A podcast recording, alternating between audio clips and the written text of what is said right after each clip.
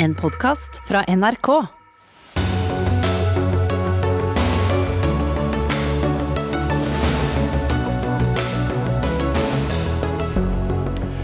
Renten er nå på sitt høyeste på 13 år, og Norges Bank er klarere enn før på at den skal enda mer opp. Arbeiderpartiets største fylkeslag går ut mot eh, egen regjering, mener den omstridte lakseskatten må utsettes. I dag ble det endelig klart. Viggo Kristiansen er frifunnet for Baneheia-drapene. Hva skjer videre nå? Og en million nordmenn lider av fedme, men mange er ikke tjukke nok til å få hjelp av det offentlige. Noen spiser seg opp for å få det, hevder en gjest som kommer til oss. Ja, dette er eh, Dagsnytt 18 onsdag. Jeg heter eh, Espen Aas. Med ni dager igjen til eh, julaften kom i dag julehilsenen fra Norges Bank til alle med boliglån. Det blir dyrere, og enda dyrere blir det nok også neste år. Styringsrenten er nå på 2,75% etter at den ble økt med 0,25 prosentpoeng. Allerede i ettermiddag kom den første banken som fulgte etter. Og sentralbanksjef Ida Wolden Bakke, inflasjonen ser ut til å ha roet seg. Likevel setter dere renten opp. Var det virkelig nødvendig? Ja, vår oppgave er å sørge for lav og stabil inflasjon. Nå har konsumprisene steget raskt, og prisveksten er klart over målet vårt på 2% Samtidig er det høy aktivitet i norsk økonomi. Arbeidsledigheten er på et svært lavt nivå. Så vår vurdering er at det er behov for en høyere rente for å få prisveksten ned til målet. Men er det ikke også tegn på at prisveksten nå ser ut til å bremse? Prisveksten har vært uh, klart høyere enn det vi la til grunn uh, forrige gang vi la fram prognoser i uh, september. og vi venter at den vil stige litt videre inn i neste år. Mm. Du sa i dag nå er prisveksten veldig høy og det er vanskelig å forutse hva den vil bli fremover. Hva slags kontroll har dere egentlig på den? Vi setter opp eh, renten nå for å få prisveksten eh, ned, og med den renteutviklingen vi nå ser for oss, så venter vi at prisveksten vil øke litt til inn i neste år, men at den så vil begynne å avta eh, og nærme seg inflasjonsmålet vårt på noe sikt. Mm, men hvorfor er det vanskelig å forutse? Det er stor usikkerhet om eh, utviklingen eh, fremover. Eh, økonomien har vært utsatt for store forstyrrelser de, de, siste årene, og økonomiske sammenhenger kan være annerledes enn vi er vant til. Hva er det største uromomentet, da, eller usikkerhetsmomentet? Nei, et, et, forhold er selvfølgelig utviklingen i energiprisene, som jo har steget mye gjennom året. Det er et forhold vi er usikre på. Og så er vi usikre på om den høye inflasjonen i seg selv Eh, kan påvirke pris- og lønnsdannelsen. Og så har dere oppjustert, eh, hvis det blir riktig ord her, i hvert fall mener at boligprisene kommer til å, å falle mer neste år enn dere har sagt eh, tidligere. Hvorfor det? Ja, vi hadde ventet at boligprisene skulle falle nå i, i høst, og så har de falt litt mer eh, enn det vi har eh, lagt til grunn. Og vi ser klare tegn til nedkjøling i boligmarkedet. Antallet usolgte boliger har økt eh, markert. Så vi venter nå at boligprisen vil fortsette å, å falle frem mot høsten eh, neste år. Mm. Men det er på et vis godt nytt? Det er eh, i tråd med det vi har uh, lagt til grunn, altså at vi vil få en nedkjøling av boligmarkedet nå, uh, og har sammenheng med at renten har økt. Så venter vi at boligprisene da neste høst vil være om lag 6% lavere enn på toppen i august i år, men det innebærer samtidig at boligprisene fortsatt vil være et godt stykke over nivået før pandemien. Mm -hmm. I lønnsoppgjøret neste år så tror dere at det kan komme til å ende på med en økning på 4,7% som jo strengt tenkt at det blir en real lønnsnedgang, eh, hvis vi ser det målt mot konsumprisindeks og, og høyere renter. Hvis arbeidstakerne skulle få gjennomslag for å få en real lønnsøkning, som mange vil ha, hva skjer da? Våre prognoser innebærer at uh, lønningene stiger om lag i takt med, med prisene neste år. Uh, helt isolert sett, hvis lønnsveksten skulle bli høyere enn det vi nå anslår, så kan det også uh, peke mot at inflasjonen blir høyere. og Da må vi ta det inn over oss når vi setter renten inn i neste år. Mm. Senest i går, på samme side av bordet som du sitter nå, så var LOs sjeføkonom her og gjentok nok en gang at han ikke liker takten på, på, på renteoppgangene og, og, og peker på farene ved det. Hvor tar han feil? Vi ser et uh, omslag i uh, norsk uh, økonomi. vi venter at aktiviteten i økonomien vil falle noe fremover. Og i rentesettingen så er vi opptatt av å balansere på den ene side risikoen for å stramme til for mye mot risikoen for å stramme til for lite. Strammer vi til for lite, ja da risikerer vi at inflasjonen holder seg høy, og at det kan bli behov for enda større renteøkninger fram i tid for å få prisveksten ned. Strammer vi til for mye, så kan økonomien bremse mer enn det som er nødvendig for å få bukt eh, med inflasjonen, og det ønsker vi å unngå. Og vi mener at ved å sette opp renten nå, med en rente som er rundt 3% neste år, så balanserer vi disse hensynene på en god måte. Mm. Det er jo knapt en økonom i dette landet som ikke har uttalt seg om renten de siste dagene. Seniorøkonom Sara Midtgaard i, i, Handelsbanken. Eh, du trodde kanskje at eh, renteutsiktene skulle se litt annerledes ut på pressekonferansen i dag. Hva var det som overrasket deg? Det var eh, helt som ventet at de skulle heve med 0,25 prosentpoeng i dag. Men vi så det heller som en 50-50 sjanse om at de vil heve igjen første kvartal neste år. Eh, så den beslutningen, eller den forventningen det kommer egentlig av to ting. Eh, det ene er at vekstutsiktene er markert nedjustert. Det ser vi tydelig i Norges Bank sin regional nettverkrapport og i forventningsundersøkelsen. Og det andre er også at eh, markedets prising eller forventning til styringsrenten hadde også tatt seg markert ned. Eh, men våre hovedforventninger fra vår konjunkturrapport er jo egentlig som rentebanen nå viser i dag, at det blir en renteheving nå første kvartal neste år. Og at det er en liten sannsynlighet for en tilleggsheving også neste sommer. Mm. Økonomikommentator her i NRK, Cecilie Langum Becker, du var også på pressekonferansen eh, i dag. Jeg spurte jo om nå nettopp om de har kontroll på inflasjonen. Eh, hvilket inntrykk fikk du?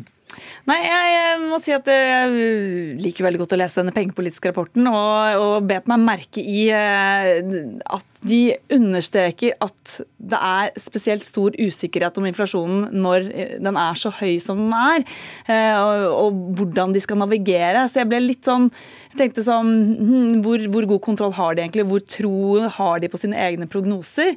Eh, og så er det jo usedvanlig stor usikkerhet nå rundt disse prognosene, men jeg ble litt sånn at de understreker så veldig hvor vanskelig det er når eh, prisveksten er så høy som den er nå. At man ikke helt vet, da, fordi man har så lite erfaring, eh, hvordan prisveksten utvikler seg videre når den er så høy. Er, vi har masse data fra hvordan den er når den ligger rundt inflasjonsmålet og under. Det har vi mange tiår med data på. Men vi har ikke så veldig mye informasjon når inflasjonen er så høy som den er nå, når den er på 6,5 da, som den var forrige måned. Mhm. Ja, Hvordan leste du det som ble sagt og skrevet om inflasjonen? Mikael? Nei, Som det står i også pengepolitisk rapport, så er det jo nå ventet en høyere inflasjon neste år enn det som var lagt til grunn i forrige pengepolitiske rapport. Eh, men jeg tenker jo også at det å spå inflasjonen det er kjempevanskelig. og Akkurat som Ida sier, i den situasjonen vi er i nå, eh, f.eks. bare energiprisene avhenger i stor grad om været i løpet av vinteren. Får vi en kald vinter eller får vi en mild vinter, som igjen preger gassprisene, men vi tror jo også i Handelsbanken at inflasjonen vil avta. Eh, men at det selvfølgelig kan ta litt tid før vi kommer tilbake til inflasjonsmålet på 2 mm. Du var så vidt inne på det, Cecilie Langebekker, det å, å finne ut helt hva vi skal navigere ut fra. Fordi vi har da en litt pussig situasjon med nesten hele folket i, eh, i, arbeid, en veldig høy inflasjon og en boligrente på vei oppover. Har vi egentlig noe referansepunkt å, å jobbe ut fra? Nei, og Det er jo den gode, gamle altså, pengepolitikken som det er, det er, høy inflasjon, og da må vi stramme til å kjøre en innstrammende pengepolitikk. Eh, da må sette renten opp. Det er på en måte det man gjør, og det har jo fungert før. Eh, på begynnelsen av 80-tallet, f.eks. i USA, så satte man jo rentene skyhøyt for å knuse inflasjonen. og Det tok noen år altså, å få til det, men de fikk det til til slutt. Sånn at, eh, men, men vi har jo ikke i Norge liksom, i moderne tid og den type økonomi vi har nå, så har vi jo ikke noen annen, annen referanse utgangspunkt enn da for 40 år siden.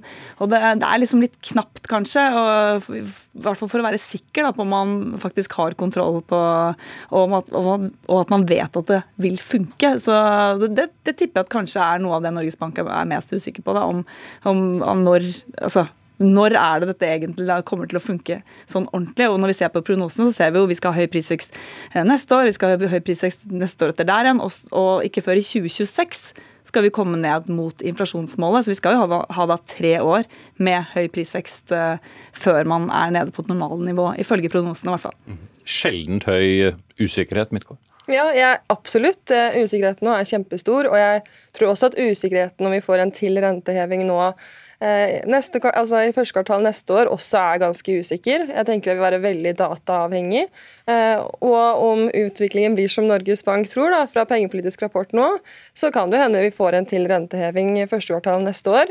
Men det er svært usikkert. Det spørs helt på hvordan utviklingen blir i norsk økonomi. Mm, når du sier dataavhengig, hva, hva mener ja. du da? Hva, hva, er det eh, de skal se til? Det betyr at man vil være veldig opptatt av både arbeidsmarkedet, arbeidsledighetstallene, ikke minst inflasjonstallene. og om aktiviteten holder seg høyere eller lavere enn det som var ventet på forhånd. Og så er det jo sånn at veldig mange kjenner da dette i lommeboken. Eh, Cecilie Langebekker, høy inflasjon, veldig høye energipriser og nå en stadig økende boliglånsrente. Hvordan slår det inn? Ja, det er jo, som Ida Wolden Bakke også inne på på pressekonferansen i dag, det er de som har minst, som merker det aller mest. Eh, fordi de bruker en mye større andel av inntekten sin på disse tingene som man på en måte ikke kan unngå. Eh, mat, eh, renter, fyring eller oppvarming av, av boligen sin. Da. Sånn at det er der det slår hardest. Og så må vi ikke glemme, som jeg har vært inne på i tidligere sendinger også, at vi har det ikke så fryktelig mye eh, verre enn før pandemien eh, når det gjelder kjøpekraft, eh, faktisk, dersom man ser på tallene. De aller, aller fleste av oss. Sånn at det føles kanskje veldig ille nå, men det er fordi vi under pandemien hadde veldig god råd. Det var veldig lave renter, det var lite ting å bruke penger på.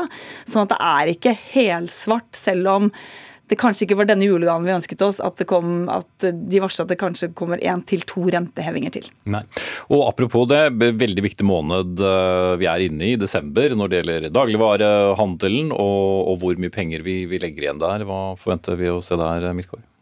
Jeg tror vi faktisk kan bli litt overrasket med tanke på Hvis vi ser på konsumenttillitstallene, som baserer seg på sånne undersøkelser på hvordan eh, vi da opplever vår egen kjøpekraft, som er kjempenegativ. Altså, vi har ikke hatt så lave målinger på en lang, lang tid. Men så ser vi faktisk at eh, kjøpekraften eller at konsumet holder seg overraskende høyt. Da. Så jeg tror vi kan se i tallene at vi bruker overraskende mye penger på julevarer enn det vi skulle trodd, gitt den konsumenttillitstallene. Mm. Så vi er rett og slett litt målstemt, men uh, klarer å bøte forventningene til jul likevel. Ja.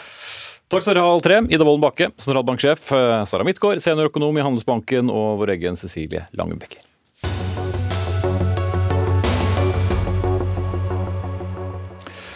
Kritikerne av den uh, mye omtalte og omstridte lakseskatten som regjeringen innfører fra nyttår, har fått uh, ja, si, hjelp fra uventet hold. Iallfall så har Arbeiderpartiet og Senterpartiet Trøndelag bedt egen regjering om å droppe planene om å innføre lakseskatten eh, fra neste år. Ingen av dem kan støtte forslaget til grunnrentebeskatning slik innretningen er foreslått. Det betyr altså ikke at de er imot skatten som sådan, men mot den innretningen som ligger der. Og I et vedtak i fylkestinget i Trøndelag i går så ba de om at innføringen må utsettes til at den endelige innretningen er vedtatt av Stortinget. Det kunne vi lese i VG i går. Tore O. Sandvik, du er fylkesordfører i Trøndelag fra Arbeiderpartiet. Hvorfor eh, er det så viktig? Det blir jo en justering uansett, hvis man mener noe annet om innretningen? Vi må føre en forutsigbar næringspolitikk. Altså Det blir grunnrente. Det er grunnrente på havbruk er riktig, men modellen er feil. Vi kan ikke innføre en modell før vi vet hvordan den blir. Eh, til neste år kan vi sikre det forventa provenyet som er beregna, altså inntektene staten skal ha, ved å bruke kjent ordning som næringa sjøl har gitt innspill om. Man kan øke produksjonsavgiften midlertidig i 2023, og dermed få inn grunnrenta på en kjent metode. Mens man da får partene opp på skyttergravene eh, og lander et bredt forlik over blokkene i Stortinget som står seg over valg. Det er forutsigbart, det er trygt. Det er sånn som vi kjenner Arbeiderpartiet eh, når det gjelder næringspolitikken. Og Det sikrer da statens inntekter. Det sikrer at uh, Så, så du kjenner ikke det Arbeiderpartiet du ser i regjering nå, er det det du sier? Nei, altså fra, Det er uvanlig praksis å innføre en skatt før vi vet hvordan den skal innrettes. Skatten skal løpe fra 1.1. Høringsfristen er tre dager etter den innføres. Og Så skal man da eh, forhandle om innretninga og lete høringssvar eh, og behandle den etter hvert etter flere måneder i Stortinget. Mens bedriftene de må jo forholde seg til at de skal sette penger i en modell, modell de ikke vet hvordan fradragene blir. Man har gitt flere innspill som tyder på at den treffer veldig skjevt, og setter også arbeidsplasser på land i fare. Mm. Og 16... så Derfor så mener vi at vi må være mer forutsigbare i, i måten vi innfører den på, men likevel ta inn pengene. For det bør være grunnrente i havbruket. Mm. Og mange uker etter at detaljene ble offentliggjort, men 16 dager før den skal innføres, så kommer dere altså med dette. Hvorfor dette tidspunktet? Fordi vi er invitert, eh, som flere andre, til å gi høring. og Trøndelag er den tyngste og viktigste havbruksregionen i, i Norge. Så vi har selvfølgelig brukt tida sammen med aktørene eh, på å finne ut hvordan dette treffer. Det er viktig for oss. Det er flere arbeidsplasser som er i fare. Eh, det er en rekke investeringer som er satt i fare. og Vi risikerer jo nå at staten får inn mindre penger fordi det var så mange som droppa auksjonene for, fordi at tida er mm. usikker. Okay, vi, vi ønsker få... jo grunnrenter, men vi ønsker også forutsigbarhet. og Det er det viktigste. Frode Jacobsen, stortingsrepresentant fra Arbeiderpartiet, finanskomiteen på, på, Stortinget. Når reaksjonene er såpass sterke fra et så tungt fylkeslag som eh, Trøndelag, eh, forteller det at dere hadde litt for mye hastverk med å innføre den? Nei, Det forteller jo om et engasjement over hele landet for uh, knytta til denne skatten, som da kommer fra Ganske konkret engasjement, kan du vel si? Ja, og det er bra. Vi tåler diskusjon og vi tåler engasjement rundt det. Men den forutsigbarheten som Tore O. Sandvik eh, etterlyser, eh, er jo på plass ved at Stortinget for 14 dager siden vedtok å innføre dette. Eh, men det er ingen som skal betale skatt i 2023 på grunnrente. Den skatten skal først betales fra 2024. Men bedriftene vet nå at i løpet av 2023 eh, så skal de betale grunnrente, også av, eh, på, på havbruk. Og det er riktig. Det er knapt en eneste skatt som innføres i Norge som er så godt utreda som akkurat denne. Vi hadde svær NOU for et par år siden, 200 sider. Veldig godt utreda, veldig godt hørt der også. Eh, så dette kommer ikke som et skattesjokk eh, brått på for næringa. De har visst dette lenge, og det er en næring som går fantastisk bra. Det er vi glad for, for det skaper arbeidsplasser. Så, så Sandvik eh, og, og Trøndelag Arbeiderparti og Trøndelag Senterparti de kommer ikke til å bli hørt her? Nei, vi, vi, lytter jo til alle konstruktive innspill. Men det er jo så jeg, godt utredet, sier du. Ja, men, men, det går på noe innretninger rundt dette. Skal legges på plass eh, etter en høring som er innført. Men prinsippet om grunnrente har Stortinget vedtatt, med Arbeiderpartiet og Senterpartiets eh, stemmer og SV. Og det er, ganske, det er Mye tyder på at det er ganske bredt flertall for det. Eh, så har partiene litt ulik innretning for det. Eh, men at det blir en grunnrente, og at det blir en pris som Eller man skal betale grunnrente ut fra de inntektene man faktisk har. Det har vært noe av det som skapte litt usikkerhet i begynnelsen her, som da finansministeren har avklart. Det blir betalt grunnrente på bakgrunn av reell pris. Eh, og Det har vært en viktig avklaring som næringa også har satt seg fornøyd med. Ja, altså Hvor mye usikkerhet kan egentlig dette forslaget skape, Sandvik? Det er jo foreslått da en, en effektiv skattesats på, på, på 40% og som jeg sa i sted, det har jo ligget der siden september. Nei, Det er masse usikkerhet, og heller ikke Frode Jacobsen kan fortelle hvordan innretninga blir. Altså, det, grunnrente er En av de viktigste virkemidlene med grunnrente er jo også at den skal være investeringsnøytral. Det er ikke avklart hva du skal få fradrag på. Man vet at de største investeringene i sjøfasen som da denne grunnrenta skal legges på, det er jo kjøp av konsesjoner som ikke er fradragsberettiget. Altså Historiske kjøp av konsesjoner eh, blir jo heller ikke etter fradrag. Og det er også sånn at det er usikkerhet også om settefiskanlegg er med. Eh, det er usikkerhet til, til, hvor skatten skal treffe best. Vi ønsker jo at man skal få inn en grunnrenta på en mest mulig effektiv måte. Man har nå opp for, man sier jo det er høring, det skal være reell høring. Man kan jo risikere at man gjennom den høringa og etter lærdommer f.eks. fra den grunnrente man har innført på Færøyene, som også virker på Island, finner ut at det er en bedre modell. Det er andre fradragsmuligheter. Du får inn like mye penger. Før vi går inn i altfor mange detaljer her, eh, Sandvik. Eh, opplever du at uh, Jacobsen fra, fra stortingsgruppa her hører på det dere sier, eller ikke? Jeg skulle ønske de gjorde det, i hvert fall, fordi Det som skaper usikkerheten, her, er at bedriftene ikke helt, man vet ikke hvilken, hvordan man skal sette av skatten fra 1.1. Og selv om den skal inn først i 2024, så må man jo sette av de pengene eh, i løpet av neste år for at den eh, grunnrenta kommer. og Vi er helt enige i grunnrente. Men hvis høringsprosessen skal være reell, så må man jo også være åpen for at man kanskje lander andre typer modeller. og Da bør man avklare at til neste år så samler vi inn pengene gjennom en kjent ordning. På det, Jakobsen. Hvor, hvor reell er egentlig denne høringsrunden? For den, eh, den varer jo ikke så lenge til.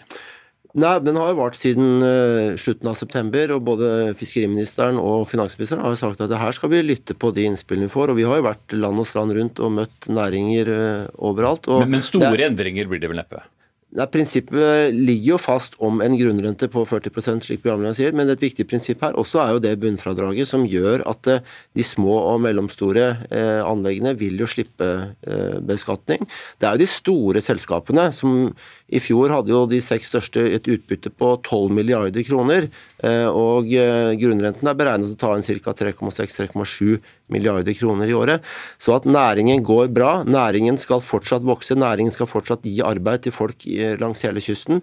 Men, men det har påvirket også, hvordan de agerer, det eller? Ja, og det vil det alltid gjøre. Altså, den usikkerheten rundt skatter og avgifter er jo hvert år. Altså, Stortinget vedtar skatter og avgifter for ett år av gangen. Næringen får nå forutsigbarhet de skal betale grunnrente fra 2024, men de skal da i løpet av 2023, som Tor O. Sandvik sier, skal man jo eh, sette av det man eventuelt må betale på bakgrunn av de faktiske mm. inntektene man har. Men Du snakker som om det er veldig forutsigbart, men Sandvik sier jo akkurat det motsatte. Ja, Jeg mener at næringa har fått en veldig tydelig eh, forutsigbar nå. Nå vet de at det skal betales grunnrente fra og med 2024. Det er riktig, og det bidrar til et større fordeling og større, mm. mer penger til fellesskapet. Ikke minst mer penger til kystkommunene, som både Tore Sandvik og jeg er eh, opptatt av. Sandvik, kort til slutt. Nei, altså, moderne, altså, Jeg vet at også at jeg skal betale skatt neste år, men det er ikke en ny skatt som kommer som man ikke kjenner innretninga på. Det er det store problemet. at Den, den skaper vridninger i næringsstrukturen. Det, skaper usikkerhet for arbeidsplassene på land. Det er ikke en selvfølge med bearbeiding på land i Norge. Altså De som driver med oppdrett, de kan bli styrtrike av å selge fisken ut av landet også. Vi har jobba langsiktig og møysommelig for å få bearbeiding på land. Det er det som skaper arbeidsplassene i næringa langs kysten. Og Det er det som settes i fare med de uklarhetene man nå har. At man da får vanskelig med å tegne kontrakter okay. osv. Og, og så er det også usikkert på hvilke fradrag man får. Så det er ikke forutsigbart og klart denne skatten som kommer nå. Der setter jeg punktum. Tone Sofie Aglen, politisk kommentator her i NRK. Når et så stort og mektig fylkeslag som Trøndelag Arbeiderparti ber egen regjering utsette hele lakseskatten, eh, hva forteller det deg?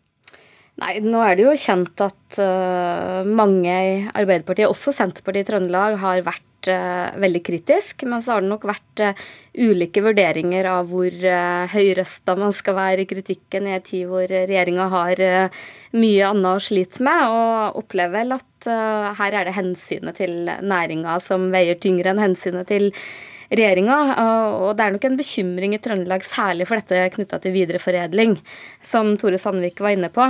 Så tror jeg nok at det her reelt sett er et, et um, ønske om å være konstruktiv og komme både regjeringa og næringa i møte, hvor man opplever at uh, det kanskje har gått mye prestisje i saken fra begge sider. Så er det også verdt å merke seg at regjeringa er jo heller ikke helt konsistent i sin kommunikasjon.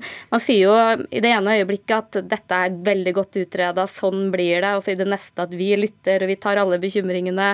Eh, de skal vi lytte til og se at det ikke blir noen ting av. Så det, eh, de, benytter jo det momentet nå, da. Mm.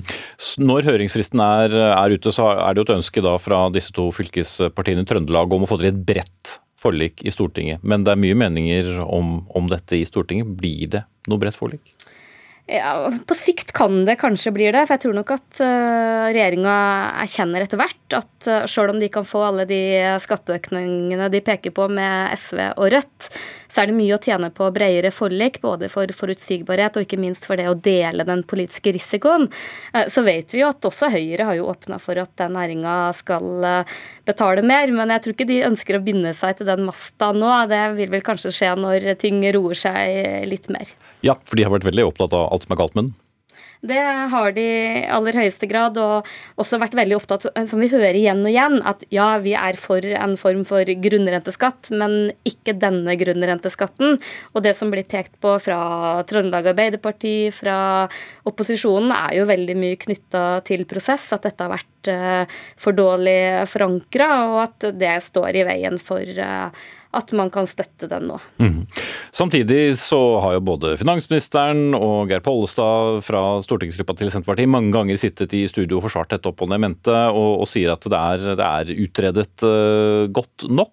Men uh, har prosessen vært så god når vi har fått så mye debatt uh, så tett opp til innføringen?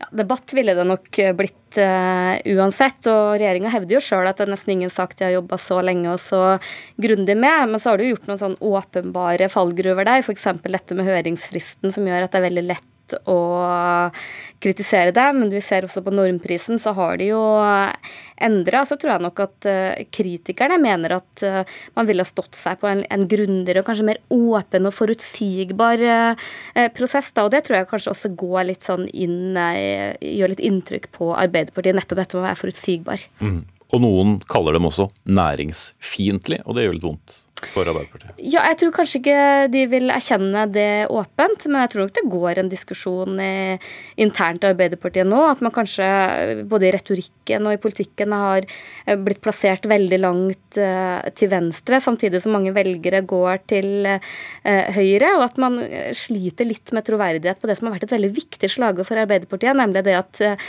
vi må skape for å fordele. Så jeg tror nok det er en nøtt og er viktig for Arbeiderpartiet å, å gjenvinne troverdighet som eh, forutsigbart næringsparti.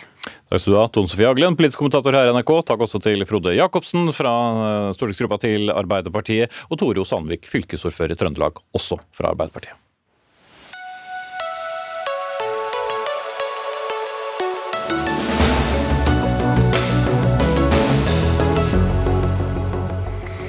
Så ble han i dag formelt eh, frikjent, eh, Viggo Kristiansen, i eh, Baneheia-saken. Saken som han satt 22 år i fengsel for. Både aktor og forsvarere hadde bedt om frikjennelse, og det var dermed avklart hva dommer Tonje Wang kom til å konkludere med. Og Reporter Runar Henriksen Jørstad, du har dekket Baneheia-saken i, i flere år, også i Borgarting lagmannsrett i dag. Hvordan ble denne dagen i denne sakens lange historie? Ja, Det var spesielt å se Viggo Kristiansen eh, komme inn i rettssalen her i eh, Borgarting i rutete skjorte og sette seg ned og høre på dommeren eh, lese opp dommen. Han har sittet over 20 år i fengsel. Mange mener han vært, er en av Norges verste menn. Og Så viser det seg at han skulle ikke vært dømt. Det var ikke bevis og grunn til å, å dømme han. Og Jeg satt og så på han da dommeren leste setningen om at han var frikjent, og da trakk han pusten dypt og svelget. Hva får dagens frifinnelse å si for det som skal skje videre i sakene, saken om, om eh, disse drapene? Viggo Kristiansen er jo nå frikjent. Hans løp i, i, retten er ferdig. Men når han frifinnes, så står man jo uten en drapsmann for det ene drapet. Drapet på Lena Sløgdal Paulsen er da ikke oppklart. Eh, så vet vi at det pågår en etterforskning mot Jan Helge Andersen. Statsadvokaten skal eh, levere en innstilling til Riksadvokaten, der man skal vurdere om man skal prøve å få eh, dette ene drapet gjenopptatt for Jan Helge Andersen sin del. Han hevder jo at han ikke står bak det drapet, han fastholder sin forklaring. Og forsvareren hans sier at de tar eh, frikjennelsen av Viggo Kristiansen til etterretning.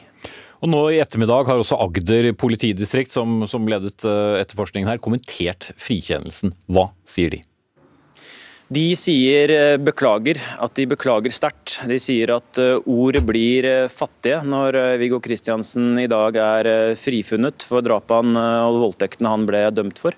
Og De sier også at det er viktig å granske denne saken og finne ut hvordan dette kunne skje, og hvordan dette ikke skal skje igjen. Og at de vil bidra på best mulig måte for å prøve å finne disse svarene. Frifunnet altså, men er saken likevel helt over for Viggo Kristiansen? Det er klart at Nå jobbes det med erstatningskravet. Forsvarerne hans sier at de vil eh, bruke mange måneder, kanskje så mye som et år, på å finne ut hvor mye penger eh, Viggo Kristiansen har krav på i erstatning. Eh, hva er et liv 20 eh, år i, i fengsel verdt? Da Viggo Kristiansen ble løslatt, så hadde han sittet lenger inne enn han hadde vært en fri mann.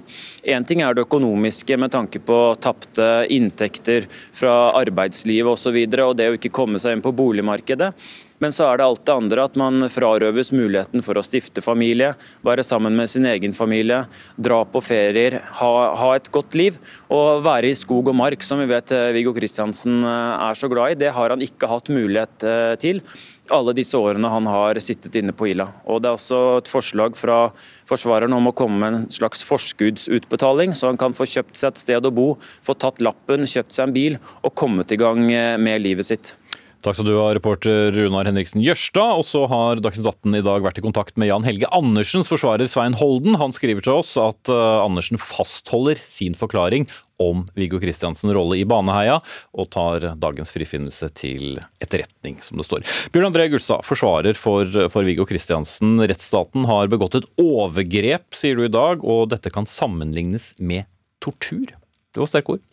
Ja, det er sterke ord, eh, men så er det også en eh, forferdelig opplevelse han har hatt. Eh, de som skulle ivareta hans rettssikkerhet i Norge, har sviktet han på alle punkter. Ikke bare én gang, men to ganger. De har altså klart det, kall det med all respekt, kunststykket å dømme en mann to ganger for noe han ikke har gjort. Og når han da blir holdt innesperra fra han er knapt 20 år til han er oppe i 40-årene, på 6-7-8 kvadrat, i et regime som kriminalomsorgen har som ansvar å, ja, holde forbrytere bak lås og slå, hvor han aldri skulle ha vært, så er det klart at eh, med den angst, den eh, avmakt, frustrasjonen som han har båret på hver dag, ja, da kaller jeg det tortur. Mm. Du har også i dag advart eh, mot å tro at dagens endelige frikjennelse kan tas til inntekt for at rettsstaten fungerer. Hva mente du med det? Ja, fungerer og fungerer. Det er noe med å tro det at ikke dette kan skje igjen. Det vil jeg advare mot. Jeg sa noe sånn som at å tro at alle rettssaker i alle henseende alltid blir riktig, det er naivt å tro. Og det motsatte betyr jo en erkjennelse av at eh, man gjør noe feil her og der. Og hvis man ikke da skjerper dette inn, gjør det man kan, ser på domsgrunner, eh, bevisvurdering og ikke minst gjenåpningskommisjonen, så kan vi fort sitte om 10-15-20 år igjen her i studio og diskutere et annet justismord. Mm. Eh, kollega Jørstad var så vidt inn på dette som handler om, om erstatningen. En unnskyldning og noen millioner er ikke nok, sa du. Hva er nok? Nei, eh, det er vel snakk om heller andre veien, eh, altså at ikke, det blir for lite.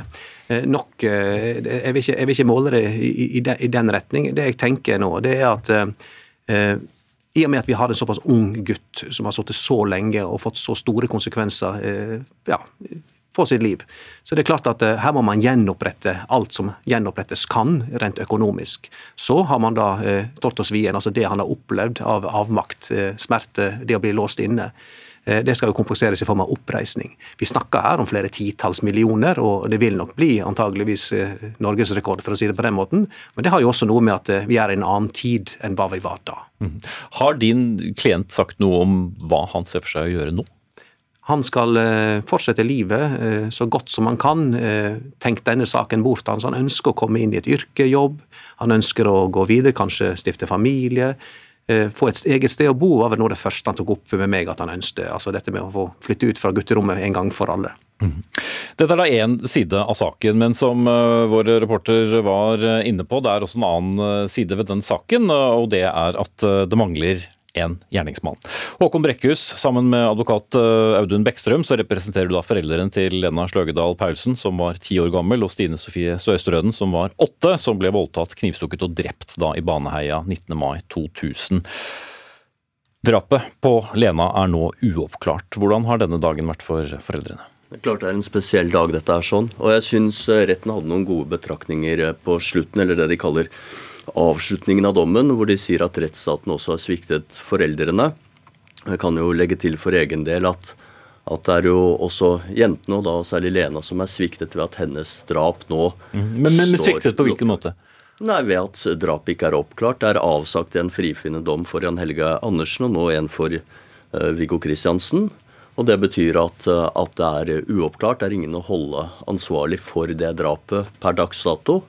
Og det, det, det, er eh, etter mine begreper ganske uholdbart. Mm -hmm. ja, dere har også ment at rekkefølgen her eh, ikke har vært helt riktig. Hva Kan du utdype det litt?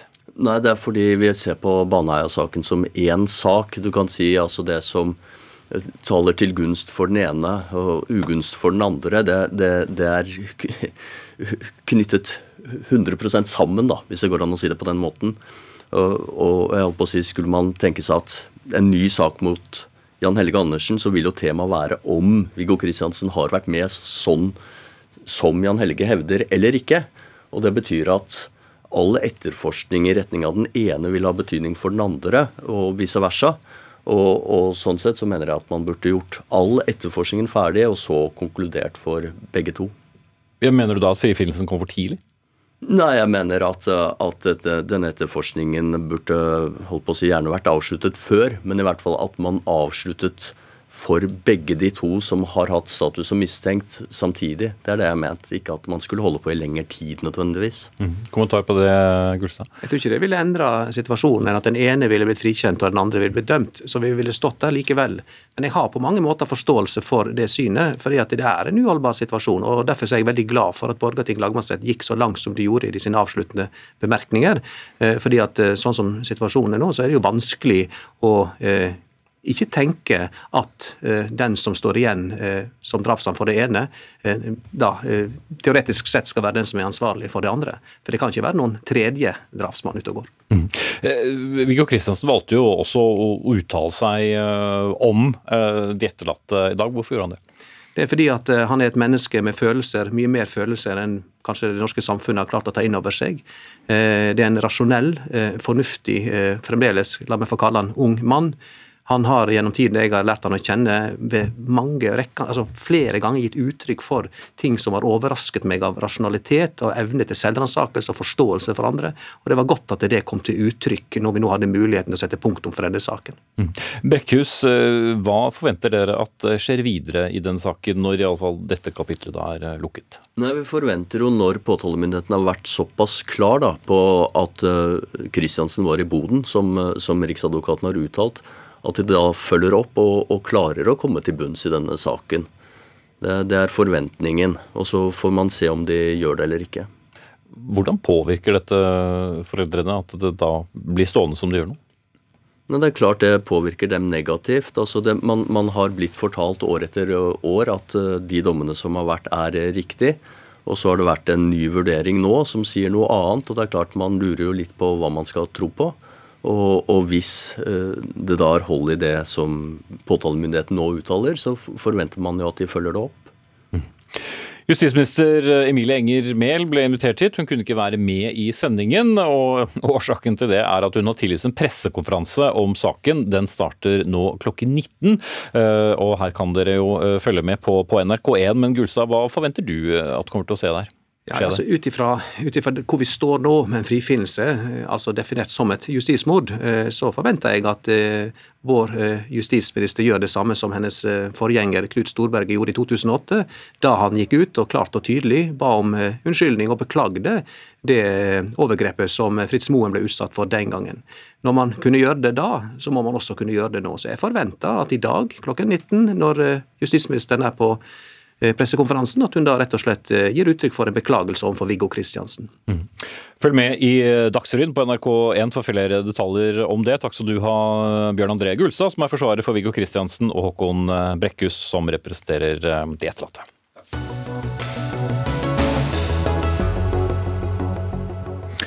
Klokken den er straks 18.38. Senere i Dagsnytt 18 så skal du bl.a. få høre kritikk mot at juletrær visstnok selges for billig. Juleprodusent barker sammen med butikkjede. Nesten én million nordmenn lider nå av fedme, og økningen her går raskere enn i våre naboland. Selv om fedme regnes som et alvorlig helseproblem og koster samfunnet store summer, så må du da eh, i dag ha opp mot 40, eller minst 40 i eh, BMI, eller sykelig overvekt om du vil, før du har rett på hjelp fra det offentlige til f.eks. da fedmeoperasjon eller opphold på rehabiliteringssenteret. Dette har du skrevet om i en ytring her på, på NRK med Eline Eriksson, bransjedirektør i Virke aktiv helse, som for ordens skyld organiserer bedrifter som eh, jobber innenfor trening og kostholdsveiledning. Men eh, der skriver du også om at du har møtt folk som spiser seg enda feitere for å få hjelp? Ja, dette er noe som bekymrer oss i veldig stor grad. Vi har jo også besøkt ulike klinikker og behandlere og snakket med pasienter som er til behandling. Eh, det som er eh, alvorlig, det er jo at eh, disse menneskene ofte ønsker hjelp før, og det tar ganske mange år av livet sitt å oppnå 40 i BMI. Det vi også ser samtidig, det er at lommeboken er avgjørende. 32% av de fedmeoperasjonene som skjer i Norge, de er betalt av egen lomme. Eh, vi savner da eh, målrettede tiltak som kan komme inn tidligere og forebygge eh, og redusere det behovet for den behandlingen man trenger når man er i 40, over 40 BMI. På fellesskapets regning? Absolutt, fordi at det er samfunnsøkonomisk lønnsomt. Vi ser at denne brannslukkingen er ekstremt dyr. 68 milliarder i året betaler vi fra skattebetalernes penger til behandlingen. Men så kunne vi forebygget mye tidligere, og da hadde vi sluppet eh, de utgiftene og belastningen på helsesystemet. Mm. Jeg håper at ikke så mange der hjemme vet altfor mye om BMI, men, men altså 40 er, er høyt. Har du 25 i BMI, så regnes du som normalvektig. Har du en BMI over 31, så vil du bl.a. ha problemer med å få helseforsikring. Cecilie Myrseth i helse- og omsorgskomiteen for Arbeiderpartiet. Hvis vi kommer i en situasjon der folk må spise seg enda sykere eh, for å få hjelp av det offentlige, er vi da på riktig sted? Nei, Det høres ut som en, eh, en, eh, veldig trist situasjon for den personen det, eh, det, gjelder. Jeg er enig i at vi må ha fokus på det forebyggende arbeidet. Det er det aller viktigste vi kan gjøre. Folkehelse må igjen være et viktig tema som vi ikke bare skal prate om, men som vi skal handle på. Men hvis tallene øker, så fungerer kanskje ikke det så godt i dag? Nei, det har jo åpenbart ikke fungert. Vi er ikke gode nok på folkehelse i dag. Derfor kommer jo regjeringa med sin melding nå om få måneder, hvor dette temaet er et av hovedtemaene i den nye folkehelsemeldinga. For dette er et stort samfunnsproblem. Forebyggingen er et av hovedtemaene? Ja, ja. ja. Yep, det er det. Men, men det, jeg vil bare si at eh, jeg, heller ikke, jeg er ikke enig i det premisset om at du må ha eh, over 40 BMI for å få hjelp. For at du har rett på helsehjelp i Norge uh, uavhengig, av, uh, uavhengig, av, det. Men det er jo snakk om hvilken type tiltak. Det er en ganske liten gruppe som, uh, som foretar disse operasjonene. og for mange av dem så er det helt livsviktig å gjøre det. Men det er jo operasjoner som også har risiko med seg, og som også, også gjør at du trenger å, trenger å, ha fokus på livsstilsendring i helheten. Men, men, så helsehjelp, helsehjelp, skal du få uansett. og fastlegen er en ganske eh, god nøkkel også i dette, og har verktøy for å kunne bidra. Men, men hvor mye kan en fastlege gjøre som ikke de allerede kanskje vet gjennom nettopp det som handler om, om forebygging, med trene mer, spise annerledes, mm. spise, spise mindre? Er det egentlig hjelp godt nok hvis man allerede sliter med overvekt? Altså, vi har jo ikke vært gode nok på dette feltet i det hele tatt. Og vi ser jo den økninga som er nå, og det bekymrer, det bekymrer også meg som politiker. Altså, eh, aller mest fordi at dette er jo en stor utfordring for de personene og folkene som, eh, som det gjelder. Det er mye stigma eh, og eh, knytta til, til, det, f.eks. Eh, så det må vi ha mye mer fokus på. Men poenget mitt er bare at eh, det er jo sammensatte eh, problemstillinger bak det. Det er jo et helt menneske. Eh, og det er jo ulike grunner til at man, man, er der som man er, og det må man ha også fokus på. Men vi har selvfølgelig verktøy og ting å hjelpe til med før man må gå til det ganske dramatiske skrittet å ta en mm. operasjon som det også er forbundet risiko med. Ja, for Eriksson, Det er vel ikke det du mener, at når man når da kanskje 31 da, i BMI hvor du slutter å få, få helseforsikring, at da neste steg er f.eks. en operasjon? Nei, absolutt ikke. Og operasjon er bare ett av de verktøyene som man får når man har bikket 40 i BMI. I Danmark så har man faktisk gått bort ifra det med fedmeoperasjon nettopp fordi at det er så mange komplikasjoner i etterkant, og at man også ikke høster de helsegevinstene som man ønsker seg. Eh, men det vi savner, det er jo målrettede tiltak. Jeg har lyst til å minne også på Som for eksempel? Eh, det er å bruke eh, arbeidsplassen som en folkehelsearena. Vi har 2,8 eh, millioner mennesker i arbeid. Gi arbeidsgiver gulrøtter og insentiver til å ha en frisk stab det vil være samfunnsøkonomisk nyttig. Eh, og konkret at legene kan henvise til helseveiledning. Eh, sånn at, og Jeg er helt enig i at overvekt og fedme det er jo komplekse årsaker som ligger bak, og da trenger man profesjonell hjelp. Men den veiledningen kommer vi ikke hele tiden tilbake til det samme, som handler da om kosthold, som handler om trening? Går vi ikke da bare i ring? Eh, nei, altså ikke hvis eh, da legen henviser til eh, en helseveileder, som er en ernæringsfysiolog eller en som er god på fysisk aktivitet. Så kan den personen også følge opp over tid, nettopp for å legge til rette for varige livsstilsendringer. Myrseth. Ja, og det, eh, det, mener jeg at man har jo alle muligheter i dag til å ta i bruk eh, det store helsevesenet vårt også. Har du helseutfordringer, skal du få, skal du få helsehjelp av helsepersonell. Og for så er Det ikke mange uker siden jeg var besøkte Frisklivssentralen i Harstad, eh, for eksempel, hvor man jo har ulike, ulike, fagfolk som jobber sammen for å både bidra i det store bildet med i gruppe og få folk i aktivitet. For jeg tror at det som er utrolig viktig, det er at det man skal, skal man gjøre livsstilsendringer, så må det være eh, som det må være mulig å oppnå, det må være mulig å lykkes, og det må være lavterskel. Eh, og det eh, tenker jeg liksom aller viktigst. Men dette er jo en av flere ting som vi må gjøre og se på når det kommer til det forebyggende arbeidet. Folkehelsetiltakene er jo, er jo som du sier, aller aller viktigst. Der må vi jo se på konkrete ting. Men er vi ikke forbi akkurat det punktet i mange av disse tilfellene, Eriksson? Eh, jo, absolutt, og det har gått altfor langt. og det, Jeg, jeg syns det er interessant at man tar opp disse frisklivssentralene. fordi det er jo eh, bare 70% av norske kommuner som har etablert en frisklivssentral. Dette er dagti, dagtilbud. sånn at eh, hvis man er i full arbeid, så kan man jo ikke da gå til en frisklivssentral på dagtid. Sånn at eh, Vi mener jo også at eh, privat helsenæring selvfølgelig, og kommunen og helsefrivilligheten må samarbeide og koordinere seg i mye større grad eh, i det lokale samfunnet. Og Det som også bekymrer oss i veldig stor grad, dette er de sosioøkonomiske helseforskjellene som foreligger. Og Bare i bydelene i Oslo så er det eh, forskjeller på 15 års levetid. Eh, og Det er ekstremt alvorlig. Og god helse, det er ikke gratis. Det koster penger, og mm. det viser jo ja, Beklager å avbryte deg, vi må snart av. Men jeg må jo bare stille spørsmålet, siden du altså tilhører en bransjeorganisasjon som da organiserer en masse bedrifter som også tjener penger på kostholdsveiledning og, og trening. Hvorfor dette engasjementet? Handler det om dine medlemmer? Eh, altså, Selvfølgelig delvis gjør det det, men eh, vi ser jo at dette her er en samfunnsøkonomisk og fellesregning på 68 milliarder kroner som spørsmålstegn er vi villige til å ta den.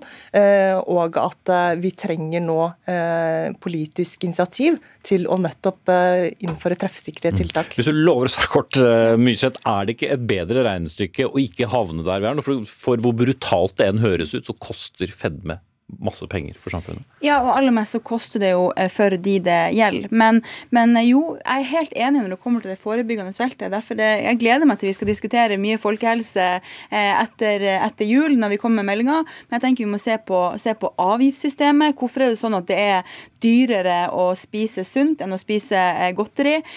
Vi må se på, se på hvordan man kan ha et bedre samarbeid med dagligvarebransjen. Mm. Ja, vi er jo allerede forbi lovnaden om å ja, være kart, ja. så vi tar heller det på nyåret, skal vi si det sånn. Cecilie Myrseth, første nestleder i helse- og omsorgskomiteen på Stortinget fra Arbeiderpartiet, og med Eline Eriksson, bransjedirektør i Virke aktiv helse.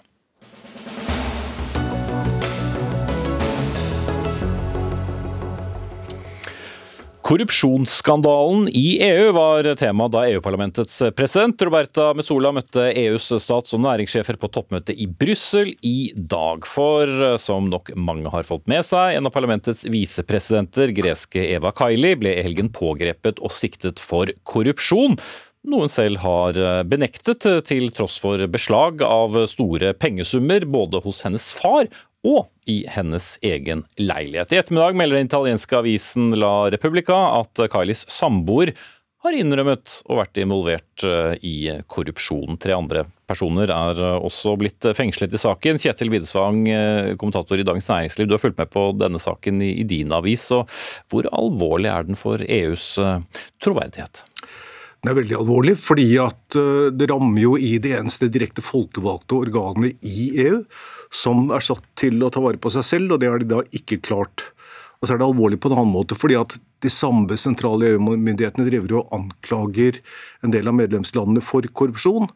Og som, ja, ja, som uh, holder tilbake penger til Ungarn og Polen og sånt noe. Og uh, der triumferer de, har gjort de siste dagene, og sagt at ja, men det er jo akkurat like ille, om ikke enda verre selv. Ja.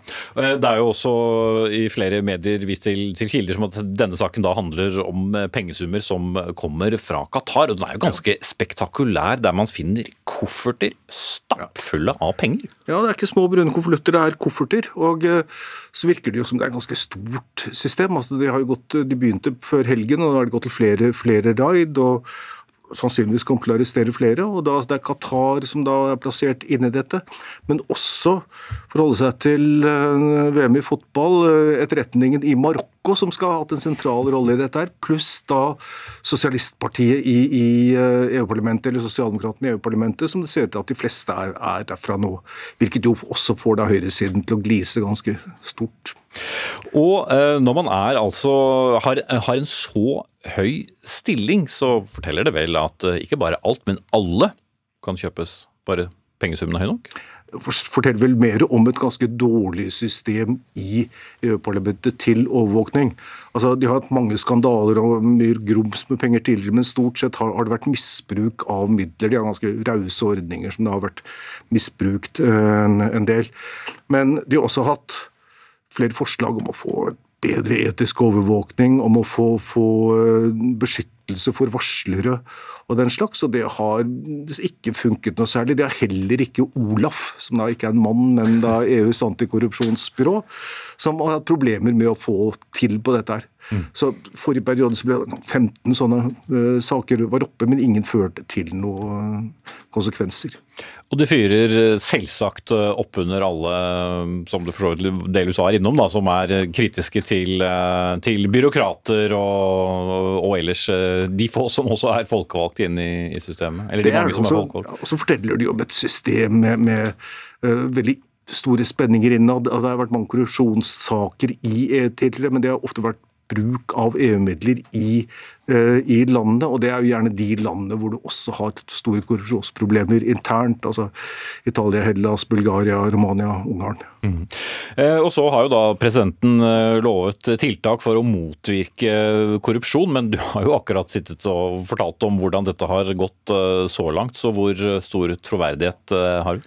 Nei, Hun kom med en sånn tipunktsplan i dag, og den skulle verksettes i, i januar. Bl.a. med å gi beskyttelse for, for varsler og større myndighet, og at man ikke kan få så, ha sånn egne vennegrupper for enkelte nasjoner i, i, parlamentet. Og jeg tror nok dette er såpass kritisk at de er nødt til å gjøre noe for å beholde troverdigheten. Litt uh, satt på prøve uansett. Takk skal du ha, kommentator i Dagens Næringsliv, Kjetil Widesvang.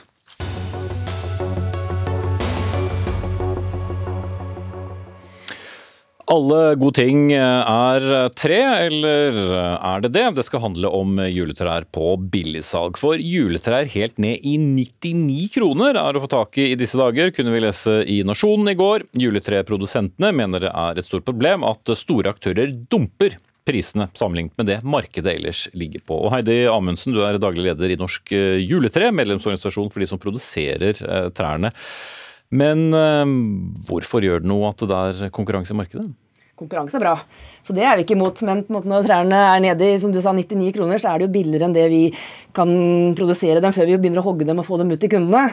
Og Da marginaliserer det jo på en måte en, en, en næring som uh, der det er norske arbeidsplasser som kan være med og, ja, At vi kan fare for å miste de norske arbeidsplassene hvis, hvis, trærne på en måte selges billigere enn det vi klarer å produsere dem. Mm. Eh, har selv sett eh, trær på en eh, 220-230 i helgen. De koster over 1000 kroner stykket enkelte steder. Er det det som er riktig pris for et juletre?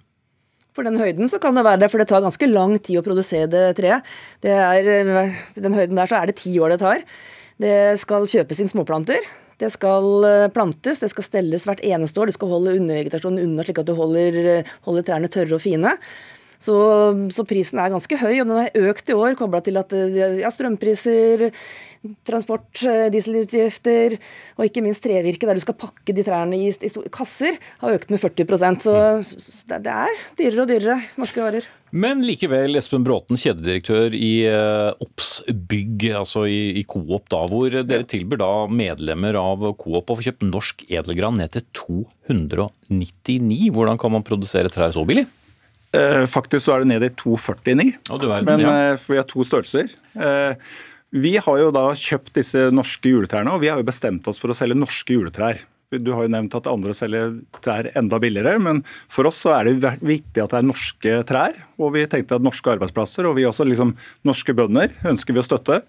Og da tenker vi at eh, ved å legge på vår normalmargin, eh, og vi har jo også utsalgssted allerede, altså vi har en fordel der. Mm. Så, så, så, dere kan, trenger jo hensyn til alle de samme kostnadene som medlemmene til, til Amundsen, men er da de trærne som hennes medlemmer selger da over priset, eller er det bare fordi at dere er en eh, enorm aktør i dagligvarehandelen? Jeg tenker Vi kjøper eh, ca. 60 000 juletrær hvert år. Eh, og vi kjøper der medlemmene til Heidi. Så det er sånn samme trærne? Samme, ja, vi kjøper i hvert fall de samme medlemmene. Sånn at det er medlemmer hos henne som vi kjøper av. Men vi kjøper jo ett stort kvantum. da. Vi legger én ordre på ca. 60 000 juletrær og kjøper det samtidig og da gjøre en normal forhandling mm. basert på det volumet. Når en så stor aktør som Coop kan selge da 60 000 uh, trær til jeg vet ikke, hva blir det halvparten og under det av det dine medlemmer gjør, hva skjer med deres marked?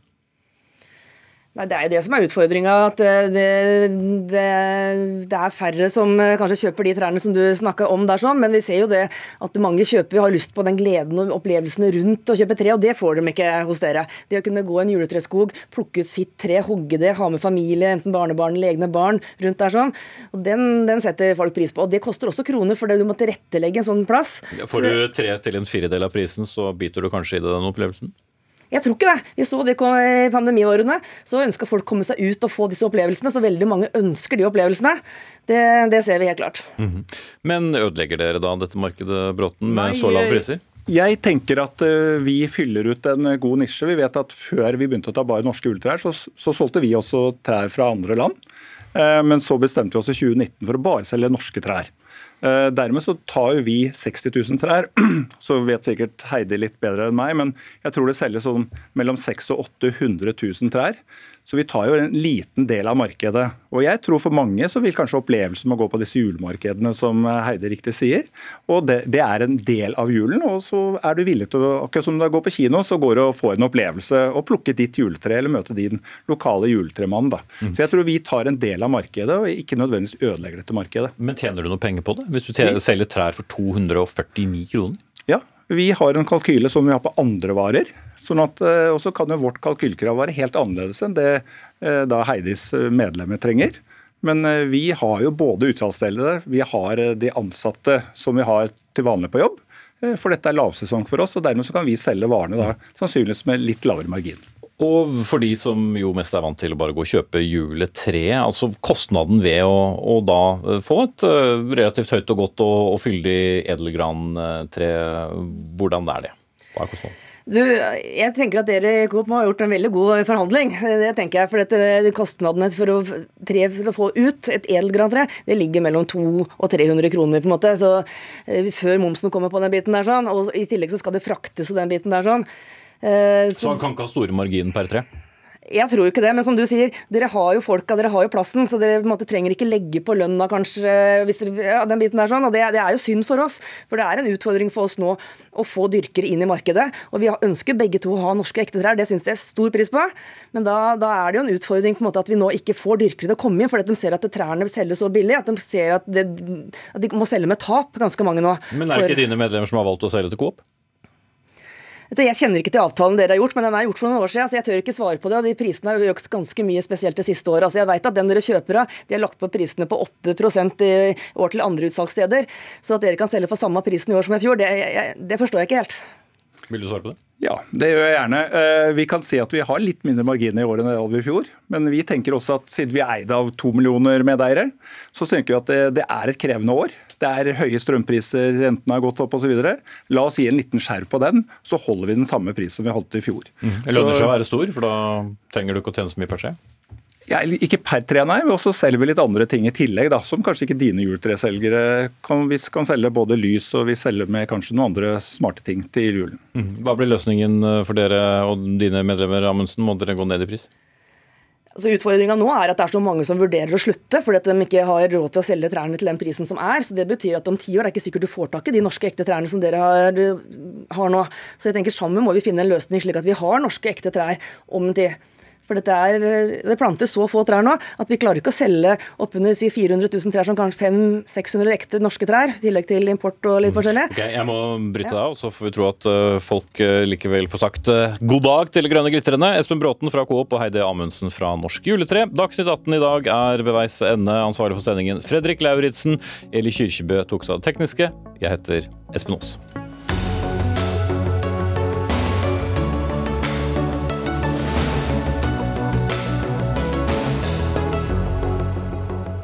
Du har hørt en podkast fra NRK. Hør flere podkaster og din NRK-kanal i appen NRK Radio.